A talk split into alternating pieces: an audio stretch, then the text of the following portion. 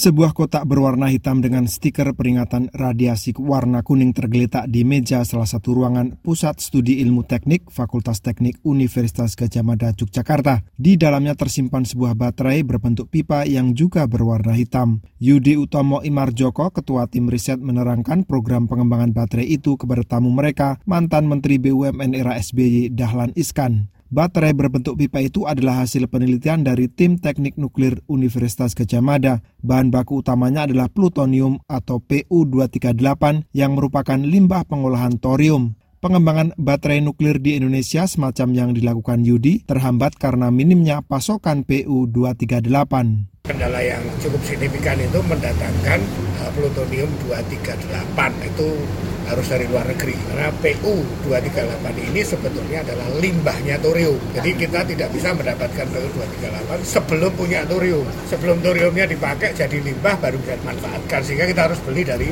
luar negeri. Thorium sendiri merupakan unsur radioaktif yang terdapat dalam mineral tambang seperti pasir zirkon dan timah. Untuk bisa memiliki cukup pasokan thorium, Indonesia harus mendeklarasikan diri go nuklir, kata Yudi. Thorium bisa digunakan dalam pembangkit listrik seperti juga uranium. Karena itulah Yudi menunggu pemerintah memberikan pernyataan dukungan untuk pemanfaatan nuklir. Badan Litbang Kemenhan juga turut mendukung biaya penelitian baterai nuklir ini dalam dua tahun terakhir. Dahlan Iskan sendiri hadir karena dia punya keterkaitan kecil dengan pengembangan industri nuklir di Indonesia. Sebetulnya kita bisa tidak perlu impor lagi kalau kita sudah punya reaktor thorium.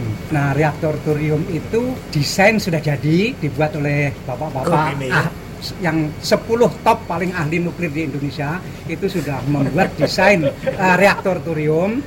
Kebetulan saya yang biayai.